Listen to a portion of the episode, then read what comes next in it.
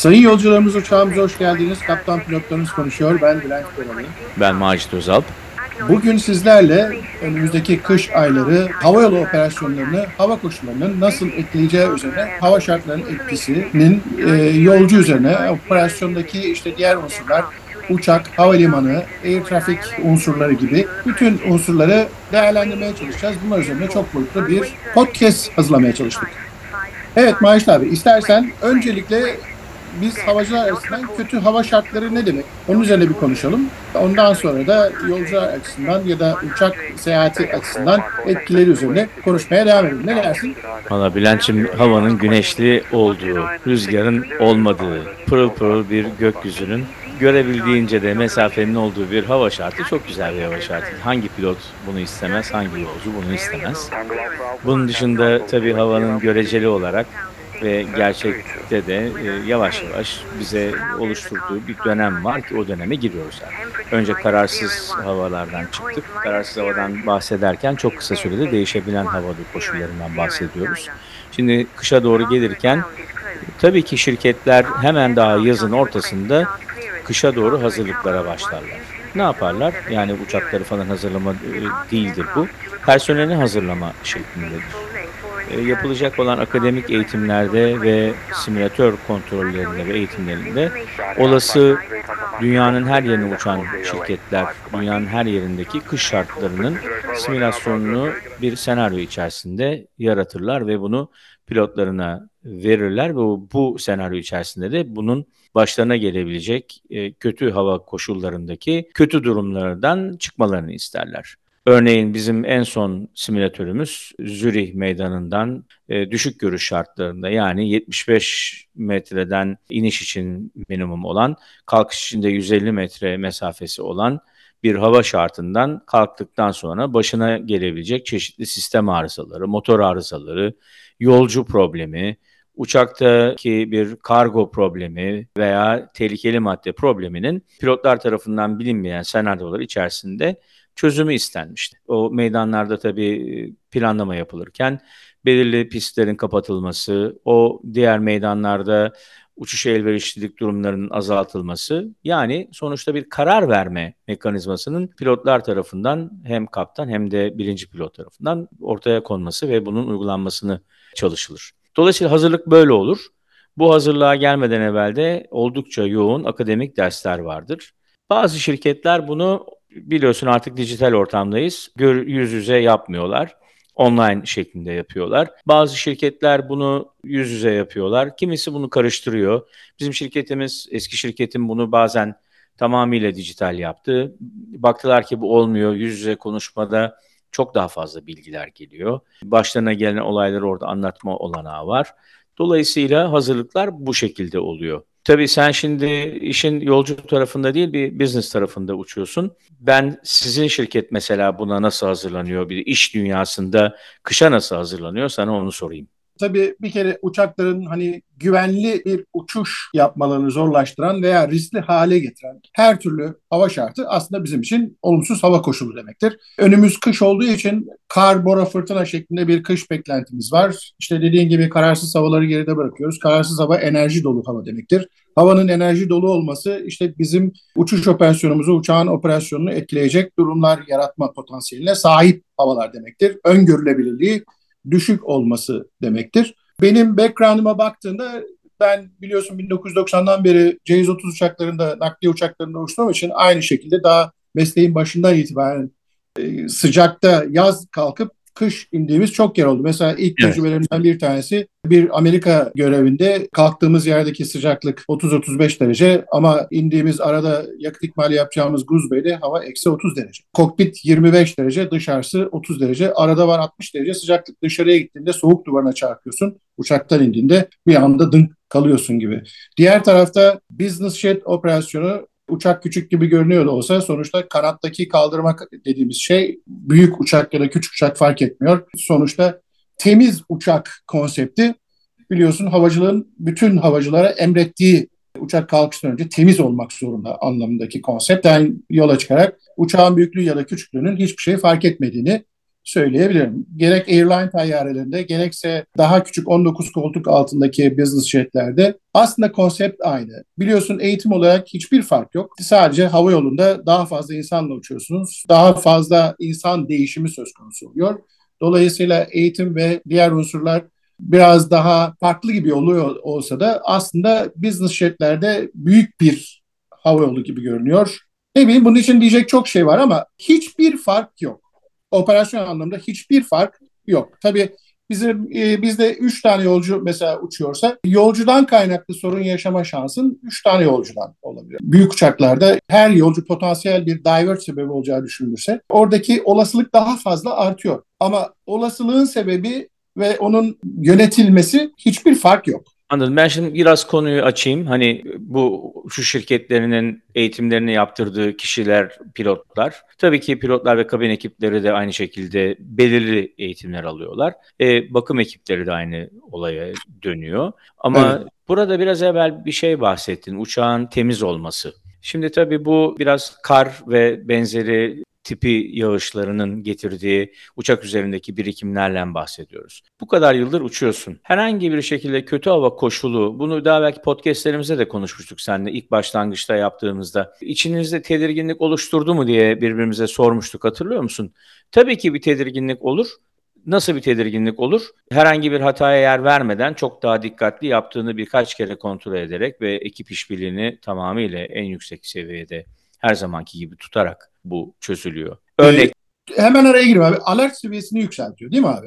Evet. Normalden evet. bir anda alertimizi yani dikkat tabii, seviyemizi tabii. biraz daha arttırıyoruz. Tabii. Daha üst seviyeye çıkartıyoruz. Yani normalde dikkat ettiğimiz konular daha da dikkati gerektirecek ve çok öncesinden ciddi bir bilgi oluşumunu e, oraya yansıttığım briefinglerle ve daha uzun briefinglerle oluyor. Briefing aslında kısa demek ama soğuk hava usulleri dedi adını verdiğimiz bu kötü hava koşullarında yatıya gidiyorsan yatı öncesi yatı ya da yatıdan tekrar geriye dönüş yapıyorsan o otel odasında mutlaka yeniden gözden geçirip o meydanın koşullarını, o meydana özel olan durumlara bakıp ona göre hazırlıklar yapman lazım. Yanındaki birinci pilot kaptansan ya da birinci pilotsan kaptanınla mutlaka bu usulleri pratiğe dönüştürecek altyapı bilgisinin mutlaka olması lazım. Şimdi bununla ilgili bir şey sormak istiyorum. Mesela siz Dubai'den kalktığınızda Dubai'de 30 derece sıcaklık, New York'ta o fırtınalar olduğu zaman, kar fırtınaları olduğu zaman çok soğuklara gittiğinizde Orası diyelim ki eksi 20-15 derece.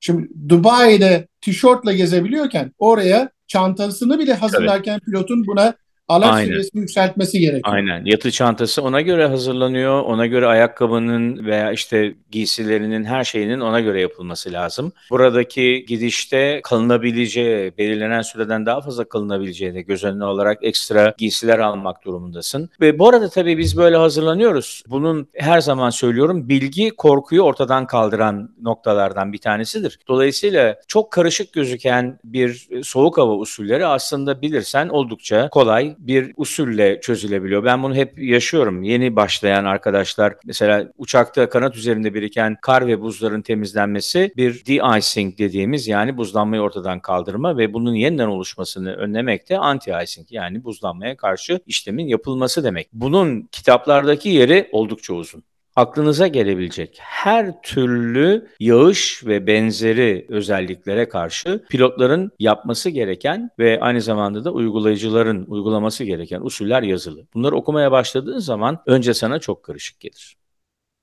Araya küçük bir bilgi de ben vereyim. Mesela o kanadın üzerindeki buzlanma çok da soğuk havalarda olmadığını bilmesi gerekiyor değil mi yolcularımızın? Bizim için 10 derecenin altında sıcaklığın 10 derecenin altına düşmesi demek uçakta buzlanma potansiyelin başlıyor olması demek. Dolayısıyla tedbirlerimizi alıyoruz. Öyle çok da soğuklara, çok da soğuk havalara gitmeye gerek yok. Aslında sadece 10 derece değil, dış hava suyunetinin sıcaklığının 15 dereceye kadar olduğu dönemlerde bile yakıt aldığında yani uçak üzerinde belirli bir yakıtla indiğinde örnek 777'de de 12 tondur bu. 12 tonun üzerinde kanatların kanatlarda oluşacak bir buzlanma var. Dolayısıyla biz zorunlu kalmadıkça gidiş geliş uçuşlarında 12 tonun üzerinde yakıt bırakmamaya çalışırız. Bunlar tabii çok detaylar. Detaylarla yolcuları da sıkmak istemiyorum. Ancak benim burada anlatmak istediğim biraz evvel söylediğin uçağı temiz tut konseptinden bakarak uçak üzerinde herhangi bir şekilde oluşmuş yüzeylerdeki özellikle gövdeye yakın, kanadın motorlara yakın olan ilk motorlara yakın olan bölümünde ve üzerinde yatay stabilize arkada hani uçağın yukarı doğru ve aşağı doğru hareketini sağlayan yerde hiçbir oluşum istemeyiz. Onun için uçağı temiz tut, temizleyeriz ve temiz tutarız. Tabii bunların hepsi para, zaman. Bazen hatırlarsın Bülent, büyük meydanlarda yaklaşık 45 dakika önce sıraya girer, girersin. E 45 dakika önce bunun motor çalışırken yapılanı var, motor çalışmazken yapılanı var, köprüde yapılanı var, uzak bir bölgede yapılanı var, piste oradan giriş ve giriş zamanları ona göre her üzerine sıkılan sıvının belirli bir etki zamanı var. Bu etki zamanının minimum ve maksimum zamanları var. Bu pilotlar ne yapıyor derseniz işte biz bunları öğrenmek ve bunların uygulamasını ciddi şekilde yapmakla yükümlüyüz. Buradaki hareket tarzımız en emniyetli şekli seçerek yolcularımızı bir yerden bir yere transfer edilmesini sağlamak oluyor. Peki Bülent, yolcu ne yapıyor? Yolcu da sence bir olumsuz hava koşullarında öyle bir sıkıntı duyuyor mu? Yani ya nasıl bir hava bu şimdi nasıl kalkacaklar? Sadece kardan veya buzdan bahsetmiyorum. Çok ağır yağmur yani hani derler ya sağanak şeklindeki yağış. Sağanak şeklindeki yağış da bildiğim kadarıyla hiçbir uçağın kullanma manueli uçuşa izin vermiyor. Biriken heavy rain de bizim örnek bizim kalkışımız yasaktı e, Emirates'te. Bu heavy rain'in tanımını yani ağır yağan yağmurun tanımını yapmak lazım. Ne kadar yağıyor? Uçuşu geciktirdiğim çok zamanlar olmuştur yarım saatten 45 dakikadan fazla pistin üzerinde belirli rakamda su birikir. Bunun bilgisini alamazsın. O zaman bir geciktirme yaparsın. Bilmiyorum siz nasıl uyguluyordunuz ama bizim uygulamamız bu şekildeydi. Şöyle söyleyeyim abi. Regülasyonlar Heavy Rain'de uçakların uçuşuna engel değil. Şirket olarak siz risk algınız biraz daha farklı olarak değerlendirip her şirketin kendi risk algoritmasını kendisine göre belirleyerek bunu bir daha limiti daraltma konusunda kullanabilir mi? Kullanabilir. Hatta şöyle söyleyeyim, daha önceki uçaklarda hatırlarsın 737'de, 757'de falan uçtuğumuz zamanlarda, daha doğrusu 2000'lerin o baş kısmına kadar olan zamanlardaki uçaklarda Rain'e girdiğimiz zaman ignition'ları 10 yapardı. Yani bujileri, motorları ateşleme sistemi aslında e, normalde motor çalıştıktan sonra çalışmazlar ama biz burada tedbir olsun yani motordaki alev sönmesin diye bujileri tekrar devreye sokardık ki motor alev sönerse tekrar devreye girsin diye. Öyle bir tedbir vardı ama bugünkü teknoloji artık motor teknolojisi bunu bile gerektirmiyor. Bizim uçaklarda ve şu anki yeni jenerasyon uçaklarda bilmiyorum. Uçaktan uçağa tabii ki farklılıklar olabilir ama mesela donan yağmur kavramı biraz farklı bir kavram. Mesela donan Bülent, yağmurda... Bülent, donan yağmura gitmeden önce e, benim söylemeye çalıştığım şey ağır yağmur koşulları pist yüzeyindeki biriken su nedeniyle uçağın yerdeki kontrolabilitesini engellediğinden dolayı. Yoksa tabii ki onu uçakların da, sistemleri... Onu da biliyorsun abi yerdeki sıvının yüksekliği ölçülü yani şimdi oradaki durum var. Birisi yerdeki sıvının yüksekliğinin ölçülüp ölçülmemesiyle ilgili durum. Eğer ölçebiliyorsak o zaman yönetiriz biliyorsun. Dolayısıyla bizdeki orada ihtiyaç duyduğumuz bilgi zeminde ne kadar sıvının biriktiği. Eğer işte bu bu, bu bilgi çok önemli. O, bu bilgi sağlanamıyorsa zaten bu bilgi bize braking coefficient olarak ya da frenleme katsayısı olarak veya bizim kullanabileceğimiz diğer hususlar olarak verilir operasyon operatör tarafı, meydan operatör tarafından. Eğer meydan operatör bunu sağlayamıyorsa o zaman zaten notam yayınlıyorlar biliyorsun. Diğer tarafta diğer. Tarafta, Olmuyor.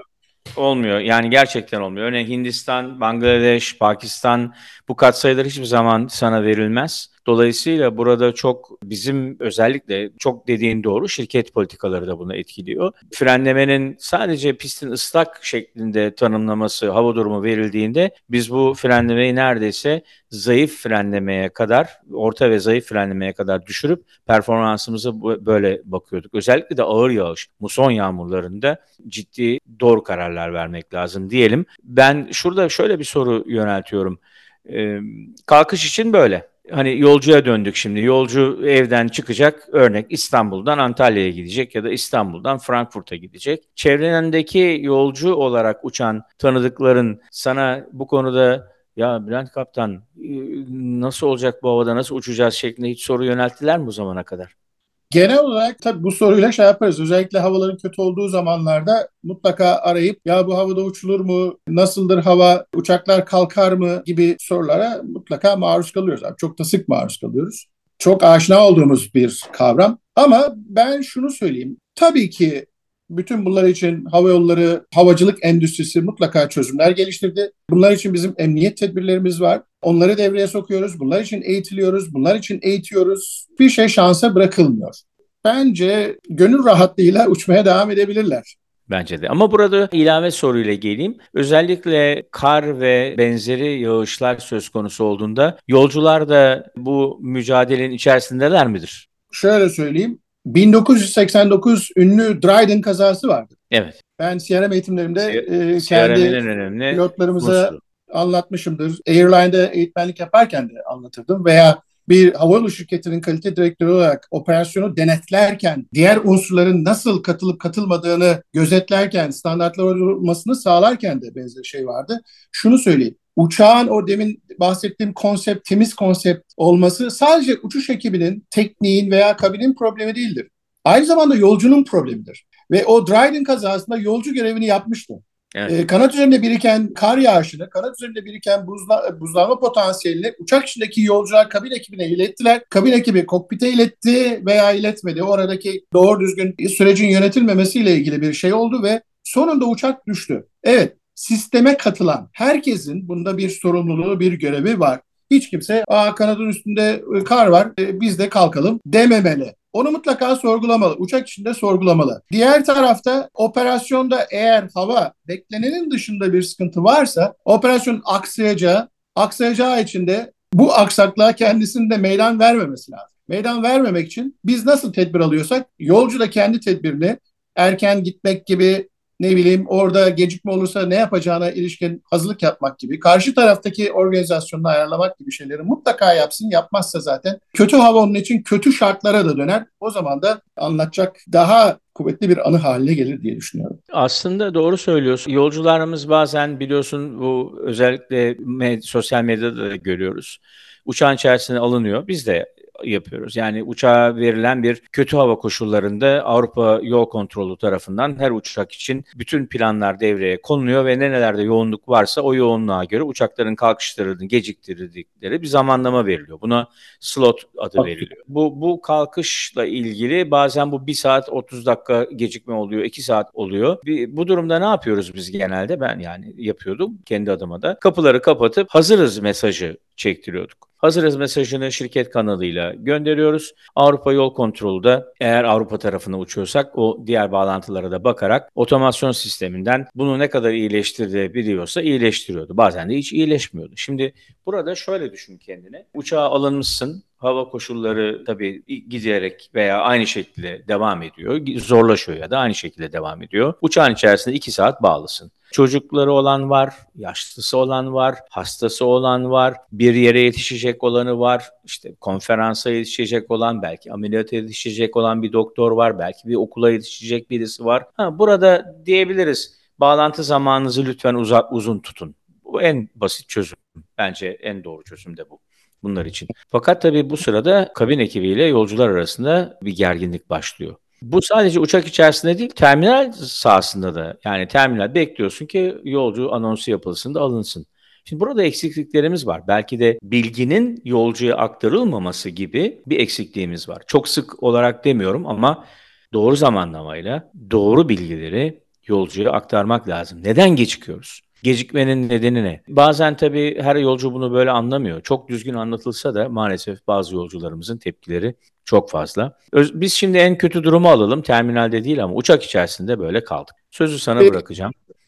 Abi istersen yolcu için gecikme ne demek, hava yolu için gecikme ne demek onu bir araya sokayım ben. Biz kapıyı kapattığımız andan itibaren biz aslında orada zamanı çalıştırıyoruz. Bu bizim için zamanında kalkış mesela diyelim ki saat 12'de kalkışınız var. 12'de kalkış demek bizim saat 12'de kapıyı kapatmamız demek aslında. Doğru. 12'de kapıyı kapattıktan sonra 2 saat yolcu uçak içinde beklese de bizim o uçak e, röter olarak sayılmıyor hava yollarında. Ama yolcu için kalkış demek saat 12'de uçağın yerden kalkması demek. 2 saat bekle, 15 dakika bile beklese yolcu için artık bu bir gecikme haline geliyor. 12'de kalkmayan uçak yolcu için bir gecikme. Ama biz kapıyı kapattığımız saat bizim için on time operasyonu belirliyor. Yolcu için take off saati on time'ı belirliyor. Bir girdi yapabilir miyim Bülent? Aslında e, tabii mesela bu belki Avrupa hava sahasında olabilir ama Amerika hava sahasında bunu yapamazsın. Amerikan hava sahasında yani yol yerde bekliyorsan ve gecikme belirli bir süreye eriştiyse yolcuların çok yüksek hakları var. Burada bunlara çok dikkat ederek tabii ki bizler işleri sürdürüyoruz. E, bunlar Türkiye'de de var. Bir zamanda kapattık e, demek e, tamam doğru ama e, düşün ki uçakta ben şöyle bir senaryo çizeyim o zaman. E, iki saat bekliyoruz. İkram e, ona göre, çay kahve ona göre, içecek su ona göre, tuvaletlerin dolması ona göre. Geçenlerde biliyorsun biz de yıllar evvel, 15 yıl evvel Amerika'dan kalkan bir uçağımız bizim tuvaletlerin tıkanması nedeniyle inmek zorunda kaldı. Geçen de gene hava sosyal medyada gördüm. Uçaktan tuvalet problemi nedeniyle hatta daha da büyük bir problem nedeniyle iniş yapmış geriye. Çünkü tuvaletler çalışmıyor. Şimdi yerdesin ve tuvaletler doldu. İçecek su bitti. Çay kahve ikram ya da insanlar belirli bir süre bir saatlik yere gidecekler. 3 saat uçak içerisinde bekliyorlar. Bir sandviç ve benzeri bir şey veriliyor. Kısa uçuşlar için söylüyorum. Uzun uçuşlarda da uzun uçuşun ikramlarından tüketmeye başladın. E, bu arada yakıt yanıyor. Yardımcı takat kaynağı çalışıyor. Takside de bekleyebiliyorsun. Demin bahsettiğimiz bu uçağı temizleme, de-icing ve anti-icing yerinde de bekleyebiliyorsun. Zor bir koşul. Burada benim sadece söylemek istediğim yolcularımızın da bizim onlar için gerçekten kendilerini e, onların yerine koyup en iyi yapabilmek için gayret ettiğimizi unutmasınlar. Kimse istemez orada kalmayı. O ekip gidecek mi geri gelecek ya da o ekibin istirahat saatinden bu alınıyor. Bu bir zincir. Zincirde en kuvvetli yer, en zayıf yer diye bir ayrım yapmıyorum. Hepsi aynı kuvvette. Koptuğu yerde işte sıkıntılar çok fazla oluyor. Hemen şunu söyleyelim abi. O zaman bir sonraki podcastimizde biz yolcu haklarını konuşalım biraz. Gecikmeden kaynaklanan seferlerden dolayı yolcuların bazı hakları var biliyorsun. Bunu bilenler var, bilmeyenler var. Evet, Gecikme durumunda yolcu hakkı ne? Nedir o hakları? Onlar üzerine bir sonraki podcastimizde onun için yapalım. Onu bilmesinde fayda var olacağını düşünüyorum. Tabii biraz uç noktalara götürdük onu. Özellikle hava yolları daha az yakıt yakabilmek amacıyla yakıt hesabını çok ciddi yapıyorlar. Çok hassas yapılıyor. Dolayısıyla yerde beklemek ekstra operasyonda yakıt yakmak demek. Öngörülemeyen sebepler için aldığımız yakıtın ötesine geçiyor olmak tabii bizi yakıtsız bırakır. O zaman da operasyon e, zaten işe olmaz. O uç noktalara doğru ilerledikçe şunu söyleyeyim. Yerde beklerken Türkiye'de de her havayolu şirketinin kendi politikasına bağlı olarak bir saat gecikme olursa yolcuya ne ikram edilecek? Bir saatten fazla olursa ne ikram edilecek? Uçak içinde onlara ne yapılacağına ilişkin bu tür şeyler artık Türkiye'de de çok profesyonel bir şekilde şirketleri tarafından yönetiliyorlar. Yani hakikaten çok ilerleme var. Benim hep havacılıkla ilgili söylediğim bir şey var. Havacılıkta dünya standartları dünyanın her tarafında uygulanıyor. Bir tarafın standardı diğer tarafta yok diyemeyiz. Standartlar tek bir noktadan belirlenip yayılıyor. Sadece uygulayıcının tabii performansı burada birazcık değişebiliyor. Onun haricinde dünyanın bir yerinde olan bir şeyin başka bir tarafında olmadığını düşünmek çok mümkün değil. Şimdi gecikmelerden falan bahsettik ama yavaş yavaş da toparlayıp podcastimizi bağlayalım. Öz cümleden devam edersek soğuk hava koşulları, kötü hava koşullarının başladığı bu dönemde gerek hava yolları gerekse pilotlar biraz evvel podcast'ın başında anlattığımız gibi gerekli eğitimleri yaptırarak ve yaparak buna hazırlanıyorlar. Yolcularımızın da gecikmeye söz konusu olacağını, her zaman meydan kapasitesinin, hava durumunun istenilen boyutta olmayacağını düşünerek ekibe yardımcı olacak şekilde biraz daha efendim onların yerine koyarak empati yaparak kendilerini daha sabırlı bu işin çözülmesine yardımcı olmalarını diliyorum. Tabii ki yolcularımızın hakları da var. O yolcularımıza da bunlar da çok da doğal. Onlara mutlaka bu bilgilendirme yapılmalı. Havayolu şirketlerimiz buna göre önlem alıyorlar. Daha da alacaklardır. İnşallah daha az beklemelerle, daha az gecikmelerle olacak bir uçuş kışı olur diye düşünüyorum. Soğuk kış günleri için hazırız. Her zaman olduğu gibi Yolcularımızı da bekliyoruz. Beklemeye de devam edeceğiz. Güzel destinasyonlara, güzel uçuşlarla onları istedikleri noktalara götürmek için bütün havayolu sektörü olarak hazır ve onları bekliyoruz. Ben hepinize iyi uçuşlar diliyorum. Bir sonraki podcastimizde görüşmek üzere. Herkese iyi uçuşlar diliyorum. Bir sonraki podcastimizde görüşmek üzere. Kabin ekibinin için yerlerinize lütfen. İyi işler olsun.